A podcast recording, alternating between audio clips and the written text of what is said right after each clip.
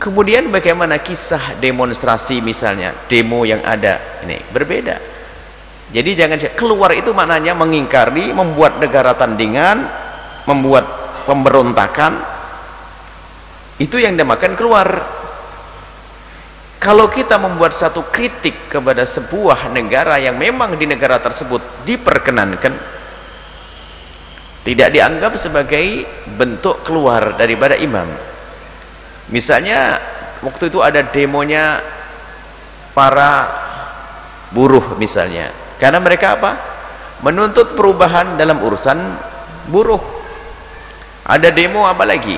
dia menuntut kebijakan dalam hal itu artinya di sebagian negara demo adalah salah satu alat komunikasi antara rakyat dengan atasan dengan pemerintahan.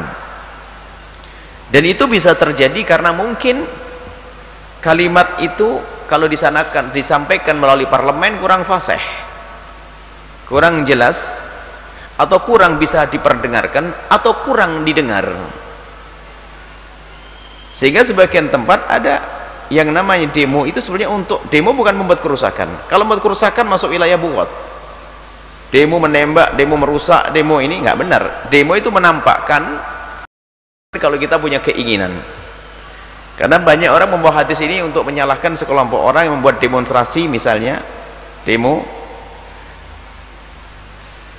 Bahkan kadang mencaci dengan bentuk sampai menghukumi orang demo sebagai orang keluar dari pemerintahan yang sah lalu lalu boleh diperangi. Ini bahaya sekali akan terjadi pembantaian nanti di negeri ini kalau seperti itu. Karena demo itu adalah yang kami dengar. Mungkin bagi yang mengerti tentang urusan negara demo adalah diizinkan tentu dengan aturan-aturan. Yang demo itu tidak lain adalah untuk menunjukkan keinginannya secara jama'i, secara kolektif, secara bersama-sama agar lebih didengar. Kalau yang ajukan satu orang, ah paling kamu saja. Tapi kalau yang ditunjukkan dua orang naga asalkan demonya tertib dan baik maka itu termasuk bahasa komunikasi dalam sebuah negara yang katanya negara itu adalah demokrasi katanya. Masalah demokrasi bab lain. Baik kemudian supaya tidak orang menyalahgunakan hadis ini dalam sebuah negara demo itu wajar, wajar tentunya adalah sisi lain karena demo ini adalah sebuah bahasa komunikasi tidak boleh demo menjadi media untuk membuat kerusakan jadi kalau ada ingin memperjuangkan dengan demonstrasi tentu yang diperjuangkan adalah kemuliaan kebaikan. Kalau demo jangan mentang-mentang negara demokrasi nanti misalnya ada kesepakatan penjudi kesempatan pemabuk buat demo agar diperkenankan perzinaan. Wah ini nggak boleh didengar.